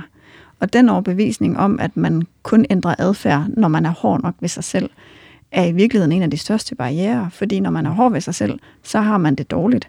Og når man har det dårligt, så tyrer man til undgåelsesadfærd, som er at blive hjemme og se Netflix og spise Ben Jerry's eksempelvis. Mm, yeah. Så at have det dårligt forstærker bare problemet. Yeah. Hvis man i stedet for øh, begynder at handle på en måde, som er i overensstemmelse med det, man gerne vil, allerede nu, så fortæller man også sig selv, hvis man kan tale om at tale, tale med sig selv, at man faktisk er værdifuld øhm, og noget værd allerede nu, og så begynder man at behandle sig selv bedre. Ja. Og når man begynder at behandle sig selv bedre, så får man det generelt bedre. Så er der færre negative følelser at, øh, at, at forsøge at flygte fra, og så kommer der mindre af den undgåelsesadfærd, der fastholder en i den øh, cyklus. Men jeg tror, det er vigtigt lige at understrege næste gang, fordi Øh, vi kan have internaliserede værdier, men vi kan altså også have bare internaliserede øh, overbevisninger, som, som, som, som jeg i høj grad vil tilskrive fitnessbranchen, øh, i hvert fald meget tidligere. Øhm, ideen om, at, at du opnår forandring øh, gennem øh, negativ selvsnak, gennem at slå sig selv oven i hovedet, gennem selvudskamning, øh, jamen altså gennem i virkeligheden at svine dig selv til. Ja, det, det er jo faktisk svaret lidt til, at hvis man nu havde et arbejde, man var sådan, man var okay tilfreds med, men man havde en værdi om, at man skulle øh, være meget performance-drevet, at man skulle opnå et eller andet helt vildt, at man så har en tanke om, jamen, den eneste måde, jeg kommer fremad i verden, det er, hvis jeg slår mig selv oven i hovedet. Det er, hvis mm. jeg er vildt hård ved mig selv, presser mig selv, siger, jeg ikke er god nok, siger, jeg ikke forstår nok, siger, jeg er direkte dum, så må jeg jo tage mig sammen, og så må jeg jo få læst, eller så må jeg jo få... Mm. Og i virkeligheden, så er der jo mange andre værdier, der kan drive den adfærd at komme fremad i verden fagligt. Der kunne også være en værdi om virkelig at gøre en forskel, mm. hvor at når man så sætter sig ned øh, og læser en bog, så er det ikke, fordi man synes, man er for dum, øhm, og fordi man synes, at man ikke er god nok, så er det fordi, man har et, et reelt ønske om at blive ved med at gøre en forskel, og blive ved med at være bedre. Og handlingen er den samme. Man får gjort de samme ting, man ja. får taget de samme kurser, man får læst de samme bøger, øhm, men det er drevet anderledes. Så hele den her selvfortælling om, at, at det er nødvendigt at være hård ved sig selv for at handle, er forkert. Og det er det samme i forhold til, øh, hvis man vil ændre noget ved sin fysik. Mm. At øhm, man kan sagtens være et sted, hvor man accepterer sådan, som man er og ser ud lige nu, og sætter pris på alt det, man allerede kan, og alle de gaver, man allerede har fået i den krop, man nu har. Og så samtidig tænke, men tænk, hvis der er mere, jeg kan få ud af det. Mm-hmm. Lidt ligesom hvis man har hvis man træner, og så man får den idé, at ej, hvor kunne det være fedt, hvis jeg kunne øh, bestige et eller andet bjerg. Så behøver man jo heller ikke at være hård ved sig selv for at opnå det. Man mm. kan være drevet af ønsket om bare at være tilfreds med der, hvor man er nu, og være glad, men tænk, hvis jeg kunne opnå lidt mere. Og der vil jeg gerne lige vende tilbage til det, du sagde lige før med, at man godt kan øh, faktisk arbejde på at øh, ville noget med sin krop, at ændre på sin krop i, i, den, i den ene eller den anden, af den ene eller den anden årsag, samtidig, øh, altså uden at man øh, samtidig hader øh, sin krop og har det dårligt med den. Øh, at man faktisk godt kan have øh, en høj grad af kropsaccept, og så øh, det, at det faktisk ikke er en modsætning til at ville gøre noget ved det. Og der vil lidt eller det, som du talte om før, man bare lige udpensle det lidt yderligere. At man sætter sig for at læse en bog, er ikke det samme som at udskamme sig selv for ikke at være klog nok. Nej. Jeg tror, det var det samme, du sagde før. Ja. Jeg var lyst til at sætte det virkelig Jamen, det op over for hinanden. Tænk, hvis vi havde det sådan, at så snart du satte dig ned for at blive klogere på noget, så mente vi automatisk, at det betød, at du havde den hjerne, du havde ja. som, som jeg desværre har set, det, det bliver fortalt en gang imellem nu, at hvis du vil ændre på din krop, så må det være drevet af, af selvhed og internaliseret værdier om slankhed. Og det behøver det altså ikke at være. Så, så der, det er altså en ret vigtig nuance. Og jeg vil også sige i forhold til det her med, med at skulle vente øhm, til, at noget er på plads, eller til man ser ud på, på en bestemt måde, eller måske i virkeligheden vende tilbage til den negative selvsnak, hvor man tror, at man motiverer sig selv gennem at slå sig selv oven i hovedet, gennem at svine sig selv til, og gennem at synes, at man er klam. Jeg tror, der er en barriere for folk i at godtage, at man kan give slip på det. at det, det føles næsten som om, man er forpligtet til ligesom at erkende, at man er forkert. At man faktisk ikke rigtig har lov til at sige til sig selv, jeg må faktisk godt være her. Og det er jo selvfølgelig heller ikke vores opgave at sige det, men, men jeg vil gerne understrege, at alle har lov til at være her. Og uanset hvad man vejer, hvilken kropsstørrelse man har, så har man faktisk lov til at opleve alle aspekter af livet uden undtagelse. Og det kan man gå i gang med med det samme. Man behøver ikke vente. Det er simpelthen bare en løgn, der er blevet fortalt på forskellige måder, på forskellige platforme i alt for mange år. Helt klart. Meget enig. Og det synes jeg faktisk, ja, det, altså det fører hen til noget, som du egentlig har sagt, så nu citerer jeg lige dig. Øhm, men noget, som jeg også taler med min klient om ret tit, det er, øhm, lad os sige, at du aldrig får tabt dig. Altså hvis det nu rent faktisk ikke skete, vil du så hellere have brugt al din energi på at beskytte dig selv mod frygten for at blive dømt, eller vil du rent faktisk have levet på trods af det? Man er jo ikke nødvendigvis i kontrol over, hvordan ens krop ser ud, og uanset hvad man gør, så ændrer den sig jo. Den ændrer sig, når man får børn, den ændrer sig med alderen, den ændrer sig, når den bliver udsat for sollys, den får skader. Altså der er jo masser af ting, som er fuldstændig uden for vores kontrol, omkring hvordan vores krop den ser ud, og hvordan den rent faktisk fungerer. Så hvis vi dirigerer al vores energi hen på at ville ændre noget hele tiden, så kan vi ende med at bruge livet på bare at ville ændre os selv, altså mm. konstant. Mm. Øhm, så der må man godt stille sig selv det spørgsmål, hvis nu det aldrig sker, hvis du nu det aldrig ændres, det her ved min krop, som jeg går og hader mig selv for, mm. hvordan vil jeg så kigge på tilbage på mit liv, når jeg bliver gammel og skal herfra? Mm. Øhm, hvis jeg så skal tænke, jeg brugte ni timer om dagen på enten at prøve at ændre mig selv, på at tale dårligt til mig selv, eller på at undgå noget, som jeg rent faktisk gerne ville have brugt mit liv på, vil jeg være tilfreds med det det er, faktisk, det er jo, altså, det virker sådan, måske, især hvis man er lidt yngre, kan det være sådan et bizart spørgsmål at skulle mm. stille sig selv, fordi at man tænker, man har uendelig tid. Ja. Men man kan jo bruge resten af sit liv på at bruge sin energi på at beskytte sig selv. Og jeg tror, der er mange, der ligger et sted mellem, mellem ung og gammel øh, af vores lyttere, som måske kan kigge tilbage og tænke, okay, så alle de negative tanker, du har haft om din krop, og alle de begrænsninger, du har sagt, sat for, for hvordan du kan leve dit liv, baseret på øh, en idé om, at der skal en bestemt kropsform eller kropsvægt til. Hvilken, hvilke konsekvenser har det rent faktisk, rent praktisk haft for dit liv? Hvad har det forhindret, som du kunne have oplevet? Det er selvfølgelig ikke rart at være i den øh, tankestrøm alt, alt for længe, fordi man så finder ud af, de fleste vil finde ud af, hvor meget energi de har spildt på noget fuldstændig uvigtigt, øh, og hvad det har stået vejen for, men det kan i hvert fald give en en lille øh, kickstart til øh, sådan en slags motivation til at sige, Jamen, det kan være, at jeg lige skal kigge på, hvad der er vigtigt. Det kan være, at jeg skal tage nogle små skridt i retning af noget, som jeg faktisk gerne vil, og som jeg ikke skal udskyde. Og så er det også vigtigt at sige, at det, at man vælger at gå i gang med noget af det, man gerne vil, før man er i mål med noget andet, betyder ikke, at man ikke kan komme i mål med det andet. Nej.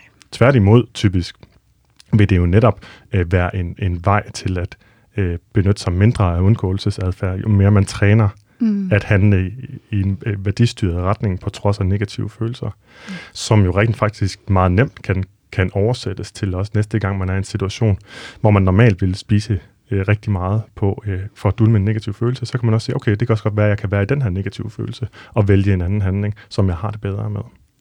Så ideen om, at hvis jeg giver slip på hele tiden at ønske mig et vægttab, så, så kommer det aldrig til at ske. Øhm, for det første, så passer det nok ikke, men det vigtigste spørgsmål at stille sig er faktisk, hvilken konsekvens har det, at jeg tænker på den måde? Mm. Eller hvis jeg giver slip på hele tiden at øh, ønske mig et vægttab, så kommer jeg til at tage på. Det er sandsynligvis heller ikke sandt, men vigtigere igen er, hvilken konsekvens har det, at du tænker sådan? Altså, mm. hvad sker der rent faktisk i dit liv, som konsekvens af, at du tænker på den måde? Vi kan jo tage det over på vores liv og så sige, hvis nu at perfektionismen havde taget overhånd, eller vi bare har sagt, at vi skal først lave en podcast, øh, når vi ved alt, så havde vi aldrig lavet en podcast, og, og, og vi kan jo konstatere, at rigtig mange mennesker netop synes, at det gør en forskel for dem, det vi siger i nogle af vores podcasts. Og så ville de ikke have kommet, vi havde ikke kunne, kunne efterleve den værdi. Vi, ikke, vi havde ikke været styret af det, vi havde styret frygten for, at nogen ville påpege, at det ikke var perfekt. Nej, så for at bruge den analogi med to veje, man kan gå ud af, så kan man øh, flygte ind i sine bøger og øh, prøve at blive klogere, og så kan man sidde som 90-årig øh, og have vide en masse, man ikke har gjort nogen forskel overhovedet. Øhm, eller man kan tage sine øh, negative tanker, som for eksempel mine kunne være, jamen, hvem er jeg overhovedet til at udtale mig om det her? Hvorfor skulle nogen overhovedet lytte til mig? Hvad har jeg øh, gjort for at fortjene, at nogen skulle lytte til, hvad jeg siger? Eller jeg ved slet ikke nok, eller jeg, jeg bliver nødt til at have noget mere erfaring, eller alle de her tanker, Eller jeg har ikke en fin nok titel. eller jeg har ikke en fin nok titel, eller øhm, eller der er så mange, der er meget klogere end mig, som lytter med, eller alle sådan nogle tanker kommer, dem tager jeg i hånden med ad døren, øh, mødes med Morten herinde i studiet, og så får de lov at stå og snakke i baggrunden. Men de skal ikke forhindre mig at jeg gør det, som jeg synes er vigtigt. Nej, præcis. Ja, og øh, jeg tænker, det også er tid til, at vi så skal forsøge at opsummere, øh, hvad vi har talt om i dag. Og øh, sådan ganske kort, så har vi snakket om, at alt for mange udsætter nærmest selve livet til øh, den dag, de har tabt sig. Øhm, og det gælder også alle mulige andre aspekter af livet, alle mulige andre ting, vi sætter op som noget, vi skal have opnået først. Og øh, så kan vi sige også, at uanset ens vægt, ja faktisk uanset ens situation generelt, så er det muligt at handle efter det, der er vigtigt allerede nu. At, øh, at leve et værdistyret liv kræver, at man har kendskab til sine værdier. Ja, det kræver, at man har svaret på spørgsmål som, hvad er det egentlig, der er personligt værdifuldt for mig? Hvad, hvad, hvad forbinder jeg med et vellevet liv? Øhm, Altså, hvilke handlinger bidrager til, til en følelse af, af formål og retning i mit liv. Ja, og så er det måske det, det vigtigste, det er, at du kan allerede i dag begynde øh, at gøre de ting, der har værdi for dig, uanset hvad dit hoved, det som du kalder den skide indre diktator, øh, siger. For den behøver faktisk ikke øh, diktere Nej. noget som helst. Det kan godt bare være støj, som, som, som følger med. Ja, mest, mest en del, så ser jeg den der skide indre diktator som en, øh, en øh, rigtig, rigtig god ven, der giver rigtig, rigtig dårlige råd. Og det er den øh, analogi, som vi fik fra et kursus, vi var på af den fantastiske Louise Hayes. Ja, det var som, lidt unfair at tage det andet citat fra ja, Nej, det er okay.